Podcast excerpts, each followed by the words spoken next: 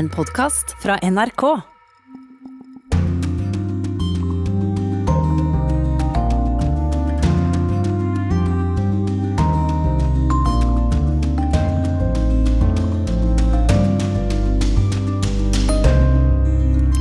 Hva skjer i Libanon? Deler av Beirut ble forvandlet til en krigssone denne uka. Spent på Cuba, sikkerhetspolitiet slår til mot aktivister som planlegger en stor demonstrasjon i november. Folk har allerede blitt satt i husarrest eller har fått eh, sine mobiltelefoner koblet fra internett. Store demonstrasjoner til støtte for Georgias ekspresident i Tiblisi.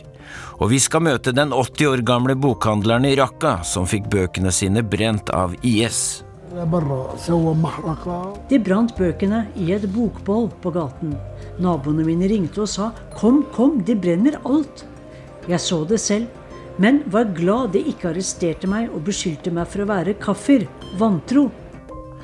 Og vi skal til Brasil, til Rios mest kjente landemerke, som jubilerer. Nå i oktober er det 90 år siden Kristus-statuen ble innviet, og noen av Brasils fremste artister har laget denne sangen til ære for jubilanten.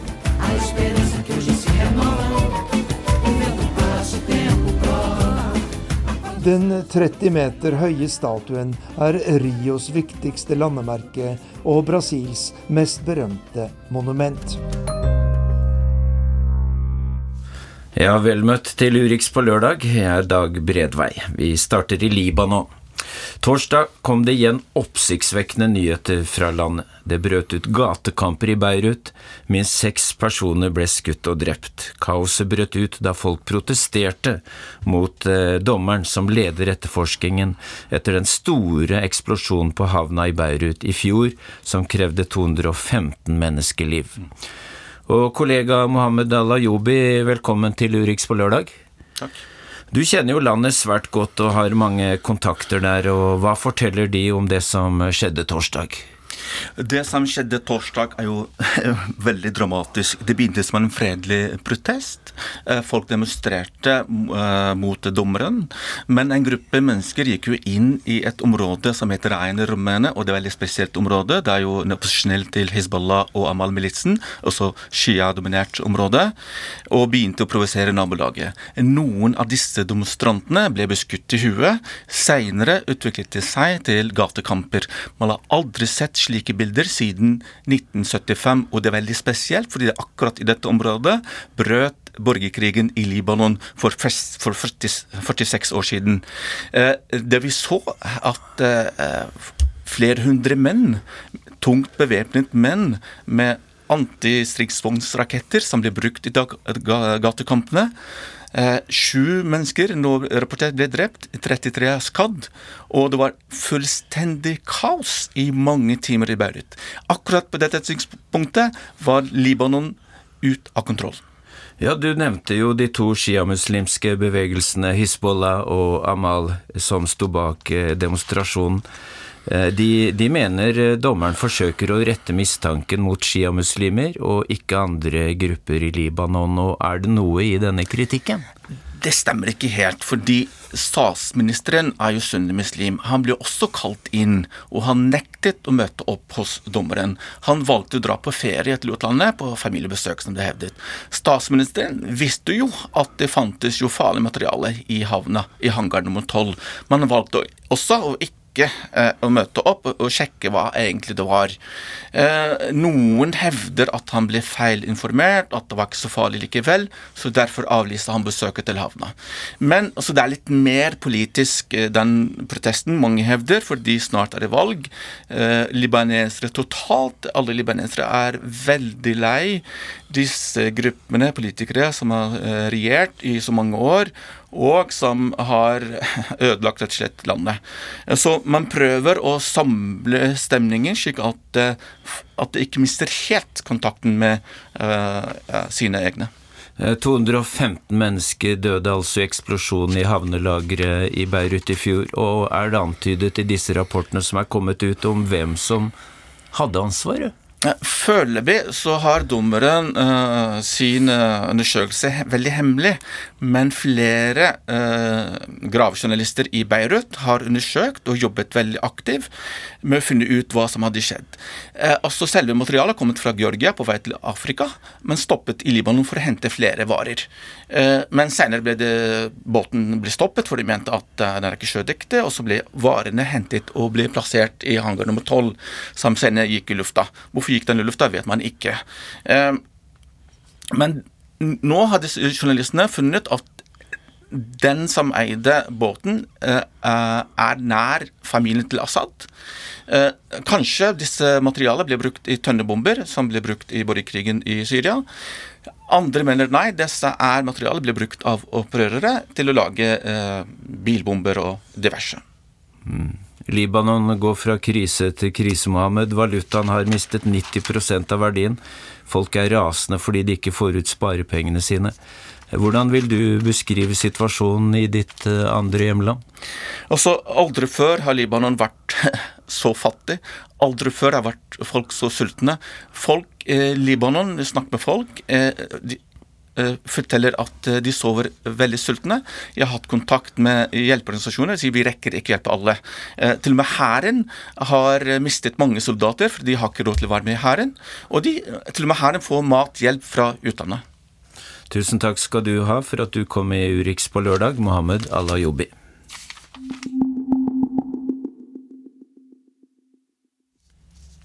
Nå til Libanons naboland Syria. Den gamle IS-hovedstaden Raqqa er snart gjenoppbygget, etter at den ble bombet sønder og sammen under krigen mot IS. En av dem som var lettet da terrorgruppen forsvant, er bokhandleren i byen.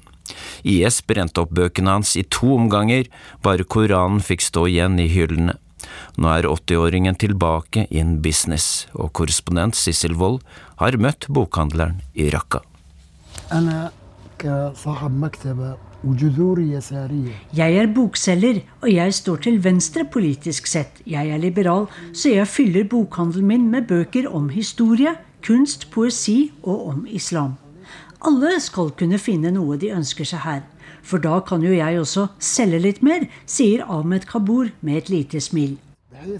Han er over 80 år, og han har sett det meste. Mannen med hvitt hår ikledd en nystrøket grå jalabia. For om du har levd så lenge i Midtøsten og her i Syria, har du fått med deg kolonitid, kriger, kupp og revolusjoner. Og terrorgruppen IS-regimet, etterfulgt av dagens kurdiske administrasjon. For det er kurderne som styrer Raqqa nå, siden deres soldater var i front da IS ble nedkjempet militært.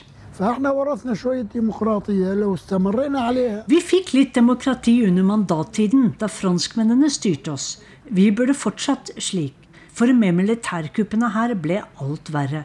De kom, Assad og hans folk, og sa de skulle tjene landet, men de har bare tjent seg selv. Og dette kan ikke jeg si overalt i Syria, for da vil jeg bli arrestert, sier bokhandleren. Av og til skulle jeg ønske at vi hadde blitt værende under kolonimaktene. Da hadde vi snakket fransk og engelsk, og vi kunne ha hatt mer kontakt med andre siviliserte land, sukker han. Bokselgeren har invitert oss inn i den lille butikken sin i Raqqa sentrum. Her er alle veggene dekket med bokhyller i trefarget teak fra gulv til tak. Vi ser bøker om palestinske kvinner, biografier om keiser Konstantin av Bysants og bøker om den indiske sivilisasjonen. Her er kjærlighetsromaner og litteratur om islam og selvsagt Koranen. Selv sitter Ahmed Kabur bak disken, slik han har sittet siden butikken åpnet i 1957, da han var en ung mann. Mens han har servert te, har han fått høre siste nytt fra alle som har kommet innom her i tiår etter tiår. Da IS kom til byen i 2013, skjønte bokhandleren at han lå dårlig an. Og en dag oppdaget noen IS-krigere utvalget av litteratur. Jeg sa til dem at jeg går til moskeen nå. Butikken er åpen. Dere får ødelegge det dere ikke liker, men vær så snill og ikke straff meg, forteller han. De brant bøkene i et bokboll på gaten. Naboene mine ringte og sa 'kom, kom, de brenner alt'. Jeg så det selv, men var glad de ikke arresterte meg og beskyldte meg for å være kaffer, vantro. Noen dager senere kom noen andre krigere til butikken. De fant også bøker de ikke likte, og så fyrte de opp et bokboll til. Bare et par bøker om islam og Koranen sto igjen i hyllene. Men heldigvis brant de ikke ned butikken, og jeg slapp straff. Men det terrorgruppen ikke visste, var at Ahmed Kabur hadde et lager av bøker et annet sted i Raqqa. Og da IS falt, kunne han raskt fylle opp bokhyllene sine igjen med et bredt og variert tilbud. Så hvordan gikk egentlig boksalget under IS? Fikk du nok inntekt av å selge Koranen, spør vi.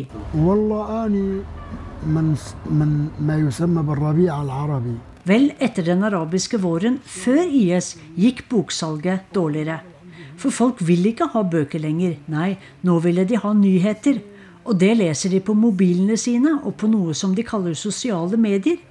Vanligvis selger vi mest koraner under ramadan.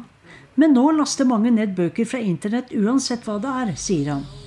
Nå finner han frem bringebærsukkertøy og mørk sjokolade til oss. Vil dere ha te, spør han, mens vi spør ham om fremtiden. Jeg kan ikke legge ned bokhandelen etter å ha holdt det gående i over 60 år. Sønnene mine må fortsette driften. Det er mitt testamente til dem. Hva liker du best å lese selv, spør vi til slutt. Ahmed Kabur trekker frem en liten hvit heftet bok med et omslagsbilde som viser flere cowboyer på hester i full fart. Jeg liker å lese bøker fra Amerika om det ville Vesten og om cowboyer og indianere som slåss, sier bokhandleren i Raqqa.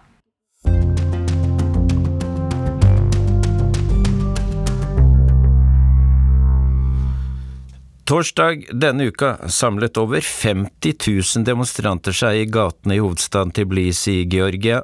De bar plakater og ropte slagord om at ekspresidenten Mikhail Saakashvili må settes fri fra fengsel.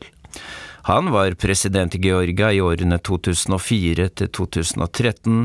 Saakashvili ble pågrepet og fengslet i begynnelsen av oktober, da han kom hjem etter eksil i Ukraina. Og korrespondent Jan Espen Kruse i Moskva, har han støtte hos mange? Ja, Demonstrasjonene denne uka viste jo at eh, Saakashvili fortsatt kan mobilisere, selv om han sannsynligvis hadde håpet på mer enn 50 000 mennesker i eh, sentrum av Tbilisi. Eh, hans parti, Den forente nasjonalbevegelsen, den fikk 31% av stemmene i lokalvalget for to uker siden. Og det resultatet hevdet partiet var forfalsket, mens regjeringspartiet fikk rundt 47 så uh, uansett uh, hva som nå er riktige tall eller ikke, så er dette et land som er veldig sterkt uh, splittet politisk. Han valgte å dra hjem til hjemlandet til tross for at han da kunne bli arrestert. Har han ambisjoner om å bli president igjen? Ja, tilhengerne håper det, og de krever at han skal settes fri fra eh, fengselet. I, ifølge de av hans tilhengere som har fått besøke Saakashvili i, i cella, så tror han at eh, stemningen i landet kan komme til å snu. Og, og han sier selv at eh, hans politiske kamp ikke er over, så ambisjonene er i stor grad til stede, ja. Eh, han var jo kjent for å ha nære bånd til Vesten og for å forsøke å få Georgia til og med inn i Nato. og eh, hva tror du Putin tenker når han ser eh, hvilken støtte han har, og det at han dro tilbake til hjemlandet? Ja, Saakashvili sto jo i sin tid bak denne revolusjonen i Georgia, der lederne med bakgrunn fra Sovjetunionen måtte gi fra seg makta. Så uh, førte da Saakashvili en kurs uh, mindre rettet mot Russland og mer mot Vesten og EU og Nato. og Det, det er jo denne typen uh, folkelige opprør og protester som president Putin og resten av de, de russiske lederne egentlig frykter mest av alt. Så de følger nok godt med på det som skjer Georgia nå. Ja, Mange vil jo huske han. Han var jo president i eh, nesten i ti år. og Hva vil du si han fikk utrettet eh, disse årene han var president?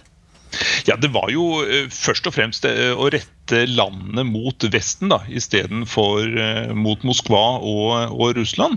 Så han fikk til mye samarbeid med vestlige land. Også de georgere som jeg snakker snakker med, de sier at uh, han fikk jo virkelig fjernet hverdagskorrupsjonen. Altså Han uh, avsatte politifolkene og ansatte nye som ikke hadde erfaring med det, egentlig. Og, og, og fikk fjernet hverdagskorrupsjonen. Og han fikk til økonomisk vekst. Men han ble også kritisert for å være for autoritær, og han ble anklaget for å ha brukt politiet mot sine politiske motstandere. Jan Espen Kruse, det kommer meldinger om at han sultestreiker i fengselet, og hva blir det sagt om helsetilstanden hans nå? Ja, Der kommer det litt motstridende meldinger. Eh, hans tilhengere sier igjen at eh, helsetilstanden er dårlig. At han eh, har problemer med å gå og problemer med å snakke. Mens eh, fra offisielle myndigheter i Georgia så blir det sagt at en gruppe leger følger med på helsesituasjonen hans, og at den er tilfredsstillende. Så, så hva som er helt sant her, det er, det er vanskelig å si. Men, men det, det, det, er masse spekulasjoner og masse oppmerksomhet rundt uh, ekspresident Saakashvili i, i, Georgia nå. Og naturligvis uh, utlandet, mange andre land, følger også spent med på det som skjer. Og, og om landet virkelig er i en sånn vippeposisjon, om eh, splittelsen er så stor og sympatien for Saakashvili om den er stor nok til å endre på den politiske situasjonen. Tusen takk skal du ha for at du var med i Urix på lørdag, direkte med fra Moskva, Jan Espen Kruse. 15. november blir en spennende dag på Cuba. Demokratiforkjempere sier de vil demonstrere denne dagen. Myndighetene sier nei, og har startet å arrestere personer som planlegger demonstrasjoner. Reporter Kari Skeie gir oss denne oppdateringen om situasjonen på Cuba nå. Frihet og ned med diktaturet, ropte tusenvis av cubanere i juli. De spontane protestene var de største på flere tiår. Men sjøl om grunnloven på Cuba nå tillater demonstrasjoner, fikk opposisjonen nei da den søkte om å få protestere mot vold og for løslatelse av politiske fanger i november. Det er ikke noe demokrati på Cuba. Mange nekter for det, men dette viser at Cuba er et diktatur. Det sier filmregissør Junior Garcia, som står bak demonstrasjonsplanene. Dette er første gang folk fra det cubanske sivilsamfunnet ber om tillatelse til å demonstrere. Det forteller Cuba-kjenner Ståle Wiig ved Sosialantropologisk institutt ved Universitetet i Oslo. De er lei av eh, et halvt århundre med ettpartistyre på Cuba.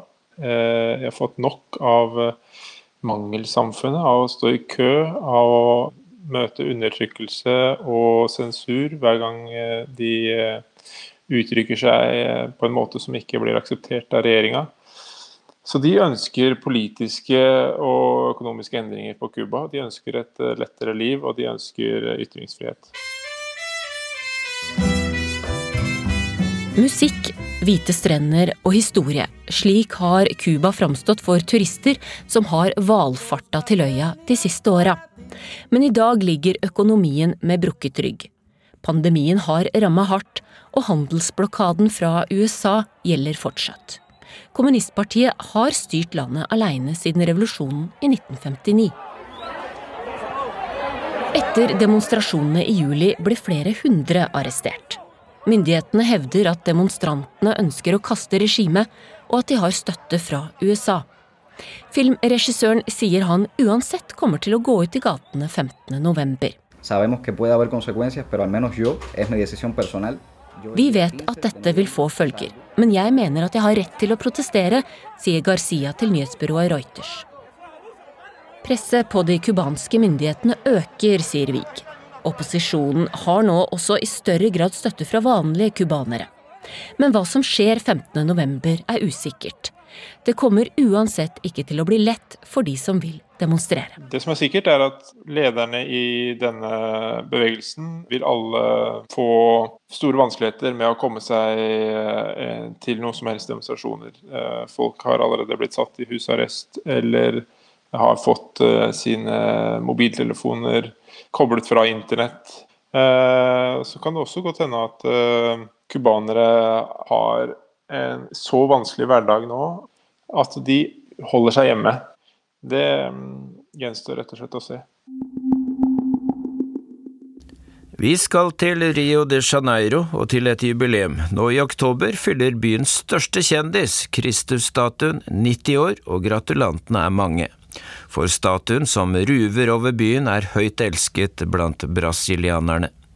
Og vår reporter Arnt Stefansen har tatt turen opp til jubilanten. Det er flere veier til Kristusstatuen men jeg har valgt den mest eksotiske å reise dit med tog. Toget går gjennom verdens største urbane urskog og bringer meg opp til toppen av det drøyt 700 meter høye Corcovado-fjellet, der den verdenskjente statuen står. Vel oppe på toppen blir jeg raskt minnet om dagens virkelighet her i Brasil. Fortsatt er koronapandemien høyst nærværende.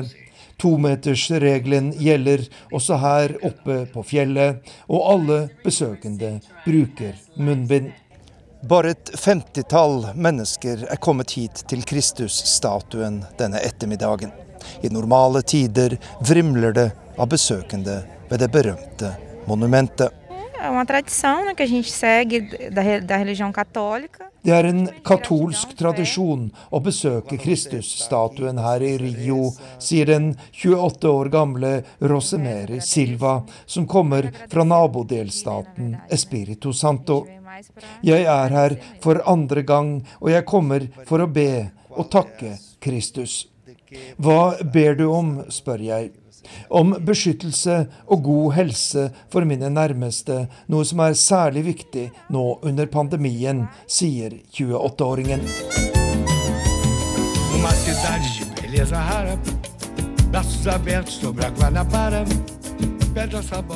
Nå i oktober er det 90 år siden Kristusstatuen ble innviet, og noen av Brasils fremste artister har laget denne sangen til ære for jubilanten.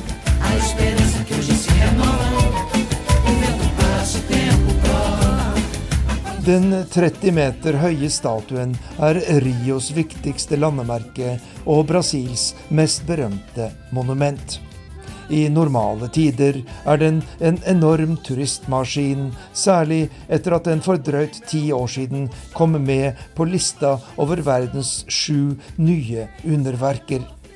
NRK møter et ungt par som har et helt spesielt ærend ved Kristusstatuen.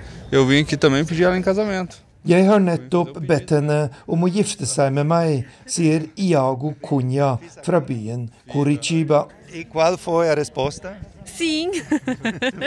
Og hva svarte du, spør jeg den utkårede Renata Nakush.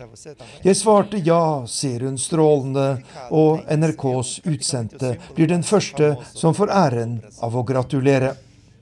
Det unge paret er dypt troende katolikker og håper at løftet om ekteskap foran selveste Kristusstatuen vil bringe dem lykke.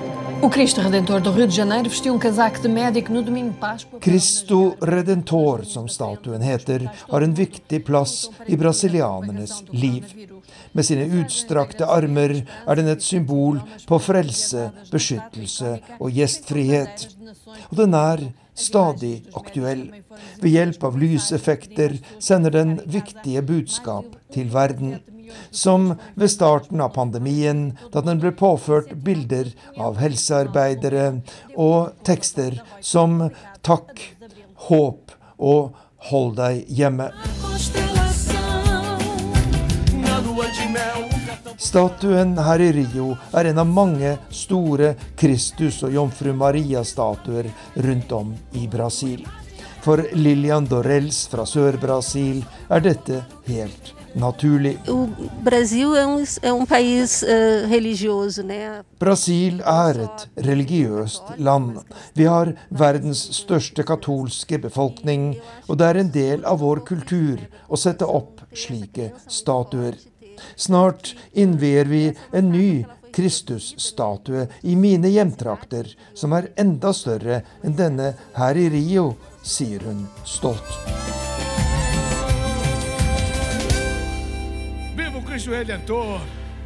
Ukas korrespondentbrev er postlagt av Gry Blekastad Almås i London. Utgangspunktet for brevet er hva hun oppdaget på en joggetur i en for henne ukjent skog.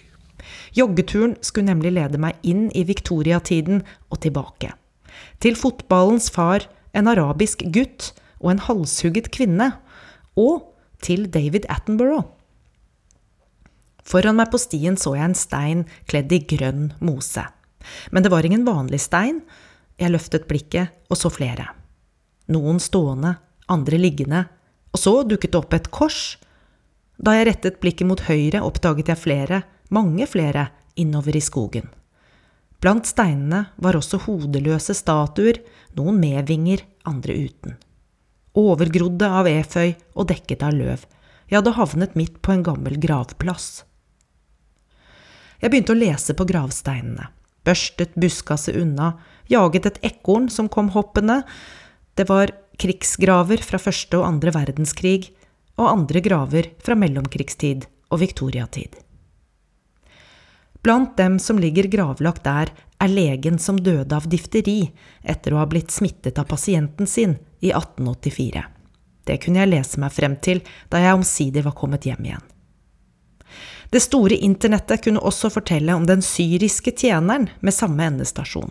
Han som arvet arbeidsgiverens velstand og fikk en pub oppkalt etter seg. The Arab Boy sies å være den eldste puben i bydelen Putney. Mens gutten selv altså endte i en overgrodd skog nede ved Themsen, lever puben videre i beste velgående. Der er det quiz night hver torsdag. Jeg lurer på om den quizen spør om hvem som ligger gravlagt sammen med den arabiske gutten som ga navn til puben. De fotballinteresserte pubgjestene kunne ha tatt et poeng da, for de ville kanskje visst at der ligger også mannen som regnes som den moderne fotballens far. Bare deler av navnet hans syns på steingraven. De to første bokstavene er dekket av blader fra viltvoksende busker som har tatt kontrollen over gravplassen. Ebenezer Cobb Morley grunnla Barns fotballklubb i 1862 og var kaptein på laget. De vant sin første kamp mot Richmond, men da de skulle spille mot Blackheath sørøst i London i sin andre kamp, ble spillet et helt annet. Der hadde de for vane å ta ballen i hendene og sparke folk i leggen. Spillet lignet mer på rugby enn Morley kunne like. Han stiftet fotballassosiasjonen FA for å lage felles regler for fotballen. Der fikk han så vidt flertall for å forby hens og sparking. Men han måtte dessverre gi seg på et annet forslag. Jeg er rimelig sikker på at jeg har mange med meg på å beklage det. Tenk så mye enklere fotballen hadde vært hvis han hadde fått den nystiftede fotballassosiasjonen med seg på også å fjerne offside-regelen. Men det satt for langt inne. Et ukjent sted i leira like ved ligger også Julia Martha Thomas, det vil si, deler av henne ligger der. Hun ble lagt i en umerket grav i 1879. Ingen visste at liket hadde tilhørt en 54 år gammel enke som hadde vært lærer, men de hadde forstått at hun hadde fått et grusomt endelikt. Vi snakker om et bestialsk drap, et mysterium som rystet Londons befolkning og ble en føljetong i britiske aviser. Det var en slags oppvarming til den ni år senere Jack the Ripper.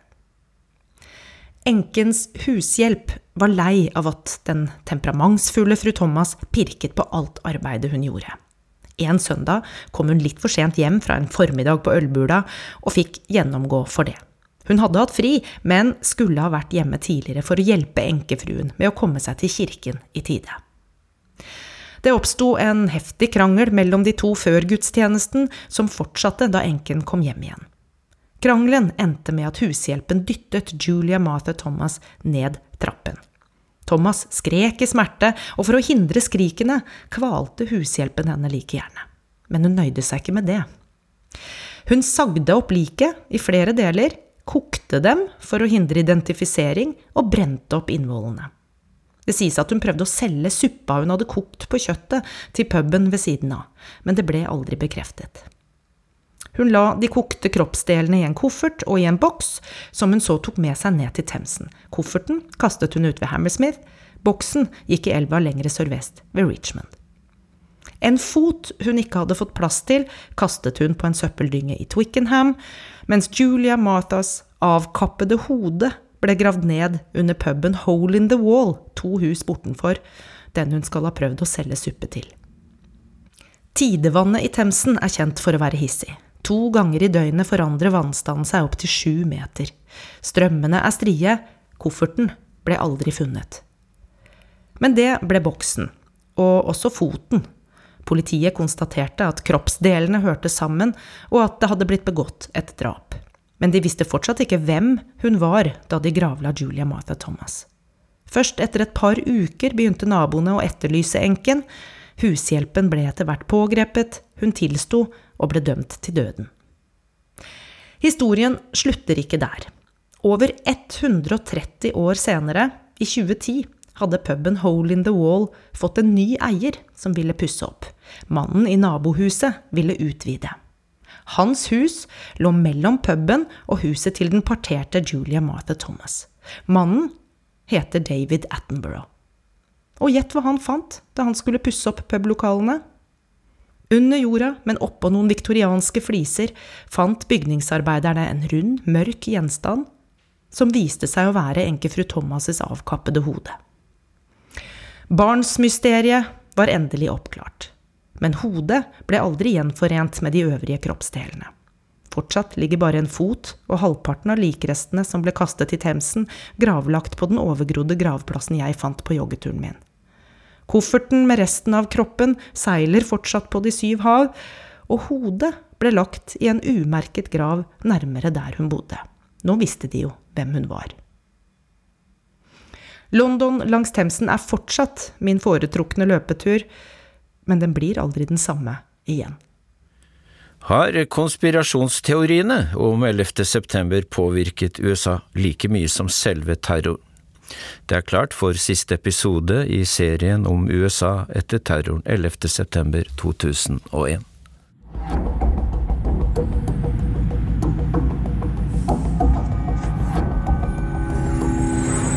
On September 11th, 2006, thousands from all over the world gathered in New York City, New York. They wore black shirts, reading Investigate 9 11, and held banners that read Ask Questions, Demand Answers.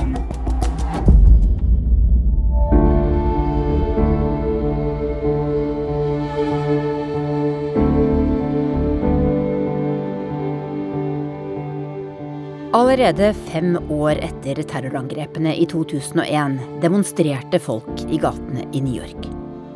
De ville vite om myndighetene holdt tilbake informasjon om 11. Raste bygningene i New York bare fordi flyene traff dem, eller fordi myndighetene hadde plassert sprengstoff i kjelleren? Var det et fly eller en rakett som traff Pentagon?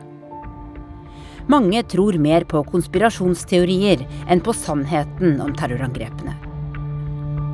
Hvorfor er det slik?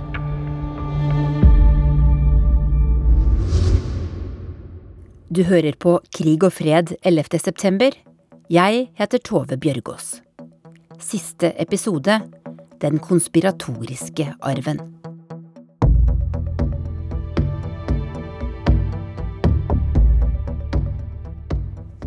Alexander, hva er, det, hva er det du har funnet på, på telefonen din?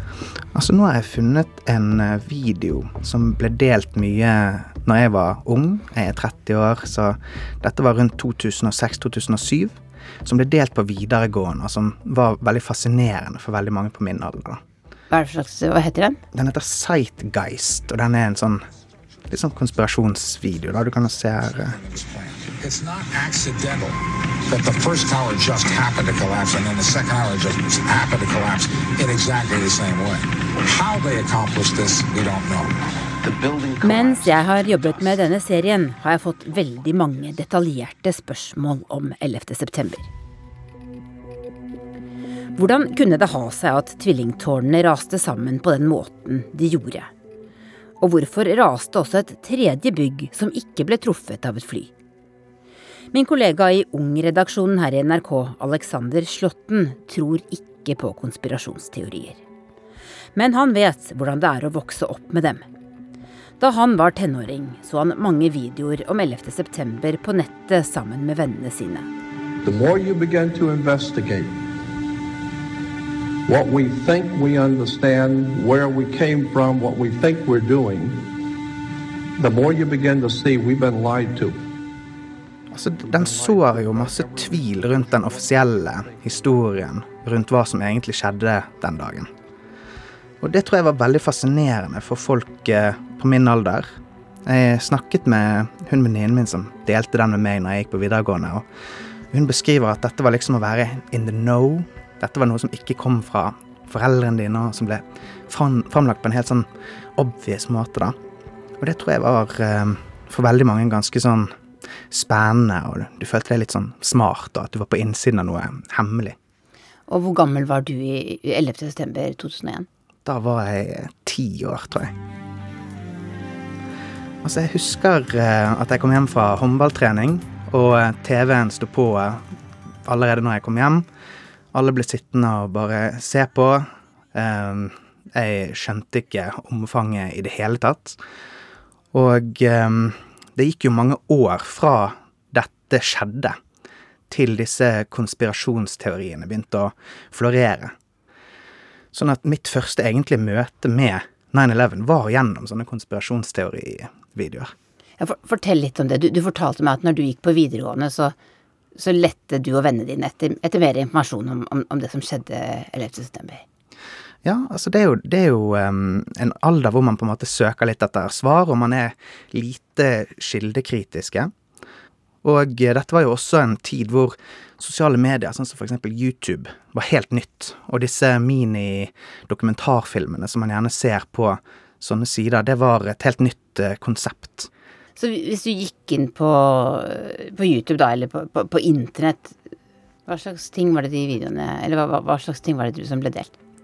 Altså, dette er jo vet jeg jo i dag, ikke sant. Det er jo en slags form for propaganda. En veldig forenkling av eh, virkeligheten. En veldig tydelig historie som sier at det var mer eller mindre USA som, som eh, sto bak 9-11 for å kunne rettferdiggjøre å gå til krig i, i Afghanistan og Irak. The Twin Towers came down in nearly free fall speed. 200,000 tons of steel shatters and explodes outwards over 500 feet. This means that floors shattered at an average rate of about 10 floors per second. Når du er veldig ung, og du eh, har ikke mye erfaring med verken nyheter eller internett, og du blir presentert for én time med det som virker for deg som liksom detaljert informasjon om, om eh, bygnings, eh, sprenging av bygninger, og jeg husker ikke alt, men liksom så kan det være litt overveldende, da. Jeg tror veldig mange ble sittende igjen med en følelse av at uh, dette til en viss grad stemte.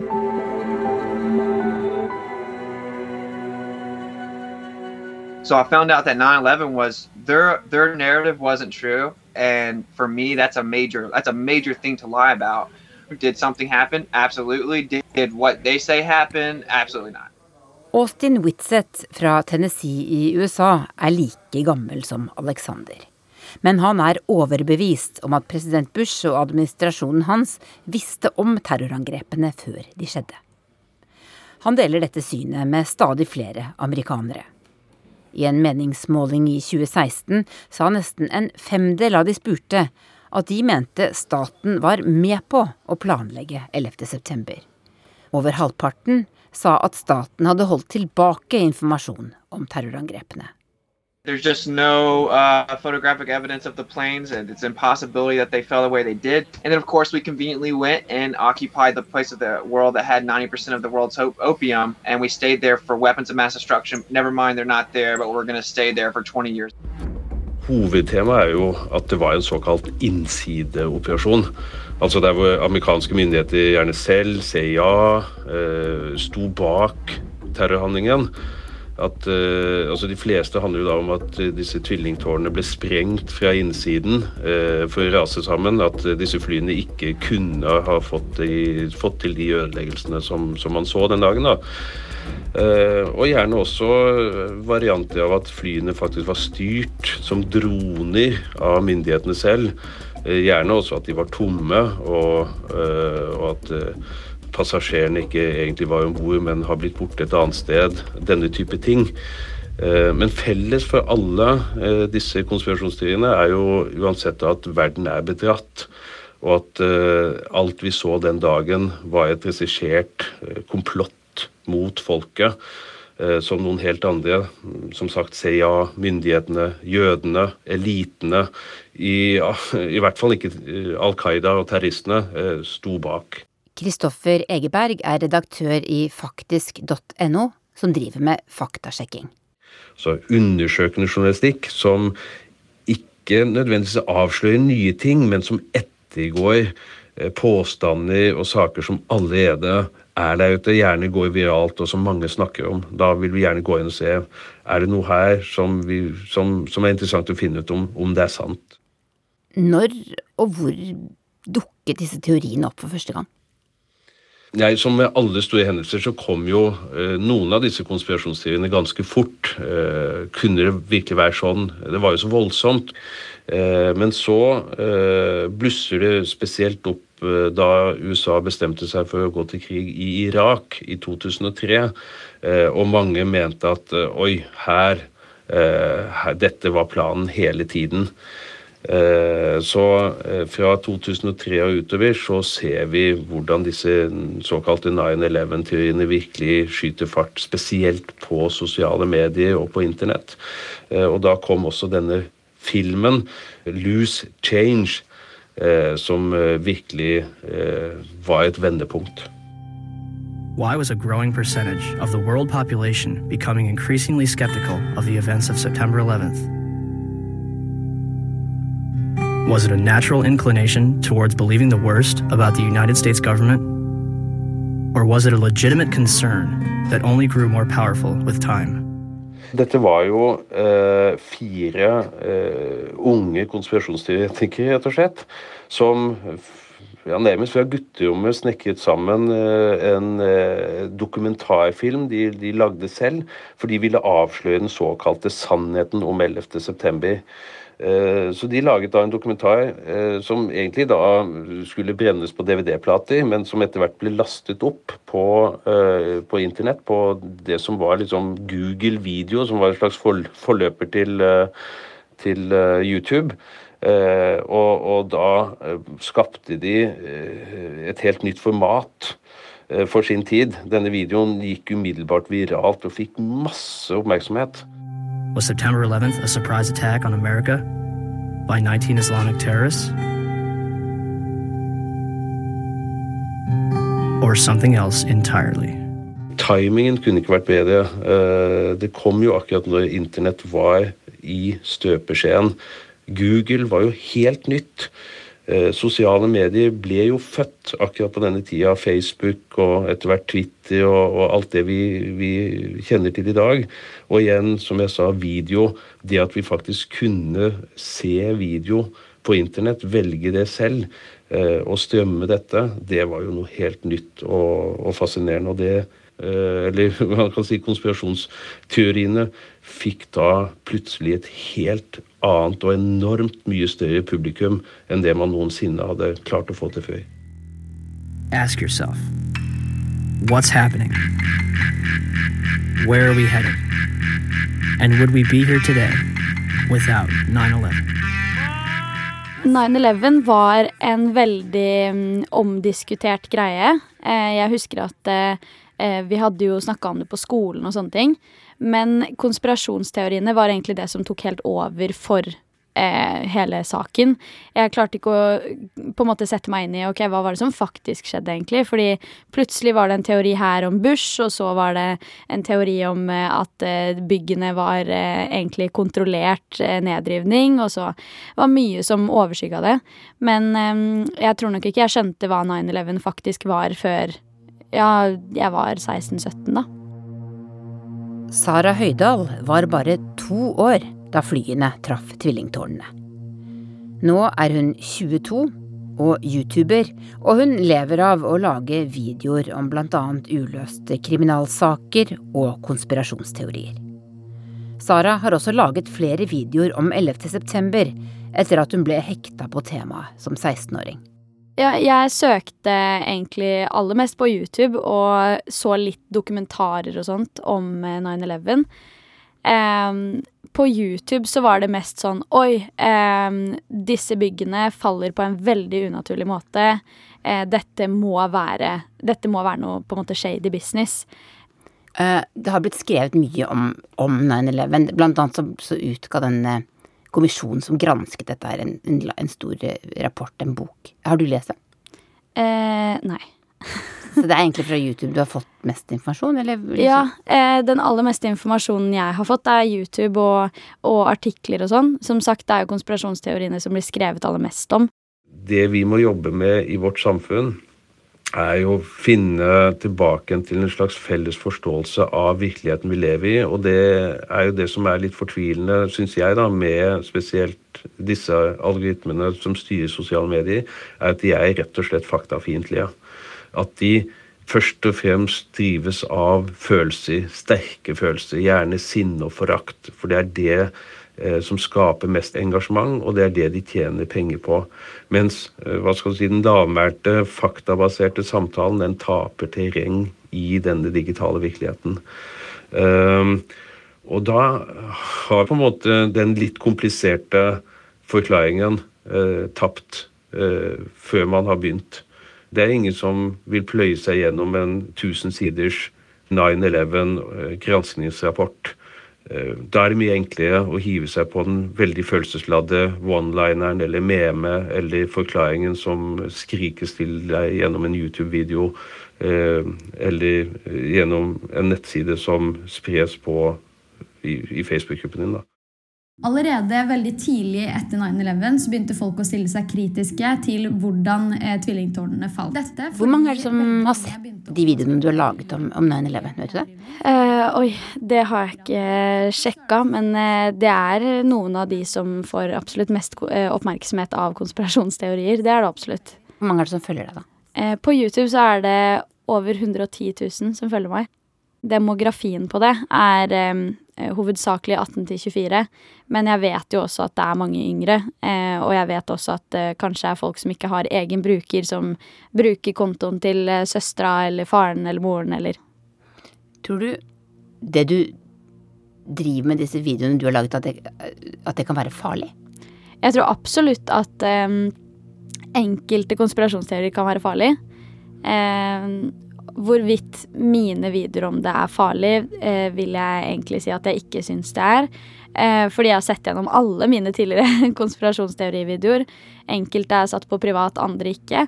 Fordi jeg eh, prøver å være veldig tydelig på at dette er teorier og ikke fakta. Det er interessant og fascinerende, men det er på en måte det. For du gjør det både fordi du syns det er spennende, og fordi det, det selger, egentlig? Um, altså, som sagt så er det ikke konspirasjonsteorier jeg på en måte sikter meg mest inn på nå. Bare fordi det, det for meg sånn etisk ikke føles riktig lenger.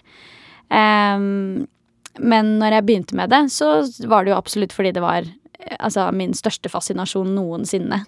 Men tror du at altså det som disse teoriene sier, da, f.eks. at disse byggene ikke kan ha, ha rast sammen av seg selv etter at flyene traff, tror du på det? Altså, nå er jo ikke jeg noen eh, arkitekt, holdt jeg på å si, og skal ærlig innrømme, jeg har ikke satt meg inn i hva slags materiale som er brukt i byggene heller. Men eh, ut ifra hva jeg har lest om teorien, om at eh, eh metallet i bygningen er eh, Altså, hadde det begynt å brenne og sånne ting, så eh, burde det eh, eventuelt ha smelta, og bygget hadde ikke falt på samme måte. Det er 20 år siden terrorangrepene. Føler du at du har respekt for det? Jeg føler absolutt jeg har respekt for uh, det som skjedde eh, 11. september. Og jeg tror nok at det, altså jeg syns det er oppriktig veldig trist at konspirasjonsteorier har tatt over hele eh, hendelsen i sin helhet. Fordi jeg får spørsmål fra folk som til og med er eldre enn meg, som var ja, rundt fem-seks år når dette skjedde, eh, som ikke forstår helt hva som skjedde. Eh, fordi konspirasjonsteoriene har tatt litt overhånd. Også i USA tror mange unge på både høyre- og venstresida på konspirasjonsteoriene om 11. september. Yeah, the conspiracy theory space slash occult, hidden information, whatever you want to call it, has been a very uh, deep interest of mine for a long time. Andre Emerson fra California er republikaner. Men da han fikk se en konspirasjonsvideo om terrorangrepet hos en venn for noen år siden, snudde han seg helt mot George W. Bush, som var republikansk president i USA da terrorangrepene skjedde. I thought the president was the most powerful person in the whole world, basically. Like, up to that moment in my life, you couldn't convince me that George Bush wasn't just like the best guy ever, right? And um, you you come to realize that they're all basically tied to money, right? Money is is the currency is the currency we're all in, but it's called a currency, and it just keeps moving. And um, even the politicians are in that rat race chasing that money, and so a lot. I learned a lot since then, and I lost a lot of friends along the way. A lot of people in uh, 2019 thought I was crazy when I told them, without a doubt, in the next three years, the entire government is going to shut down the whole world. And they're like, that's ridiculous. How would they do that? 20 år etter at USA ble rammet av terror på hjemmebane, har mange gjort som Andre. Mistroen de fikk til myndighetene etter 11. september, har de flyttet over til andre saker. Um, that was basically the start of their stranglehold on us, and it only got way worse. And now they're trying to say that, you know, we got to in my viewpoint of things, edit your DNA, make you no longer human. They can own you because they own the injection that's in your body.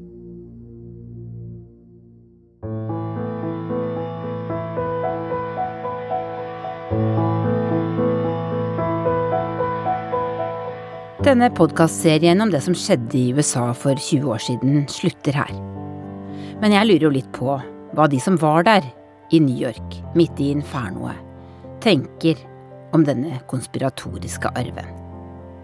Her er Svein Oskar Stoknes, som jobbet i en bank i en av bygningene i World Trade Center som raste sammen, og Joy Shepherd, som berget livet da hun løp ned branntrappa fra 61. etasje i en brennende skyskraper.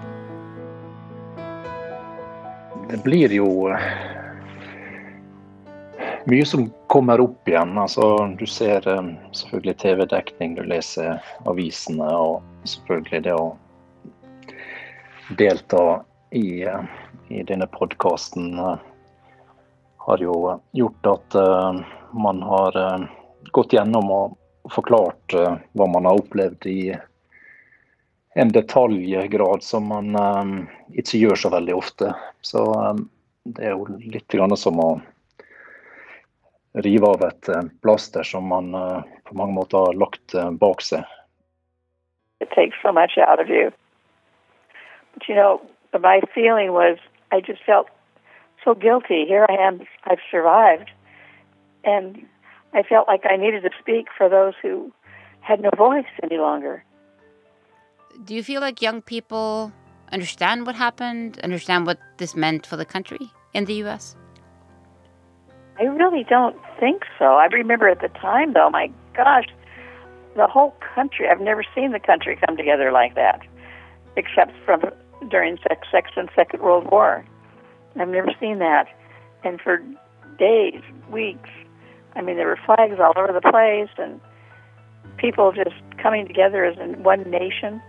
It was a beautiful thing, but it just has fallen apart since then. It really has. I'm just so disappointed. Svein Oskar, hva eh, er dine tanker om at eh, en økende andel amerikanere, og for så vidt også mange mennesker i andre land, stiller spørsmål ved om, om disse angrepene rett og slett var terror, og ikke stoler på, på, på rapportene om det som faktisk skjedde?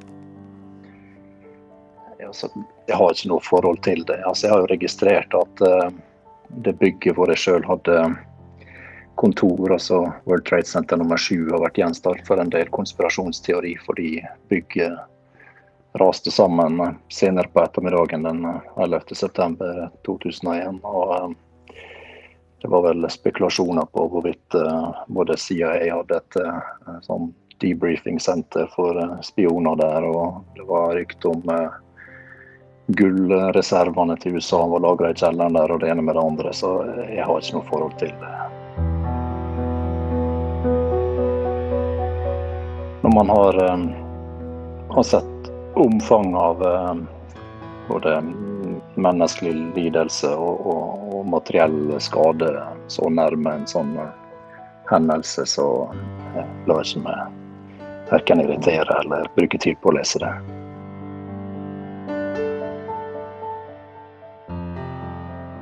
Pay attention. Really pay attention. Don't believe everything you read, especially on the internet. Check your sources. Check facts. I hear about alternative facts. There's no such thing as alternative facts. And know the difference between facts and opinion.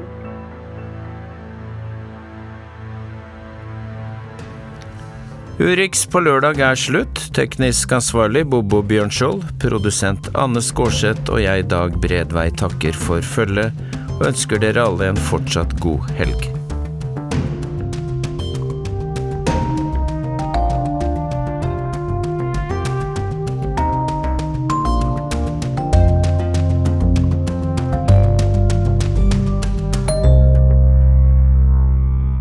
Du har hørt en podkast fra NRK. Hør flere podkaster og din NRK-kanal i appen NRK Radio.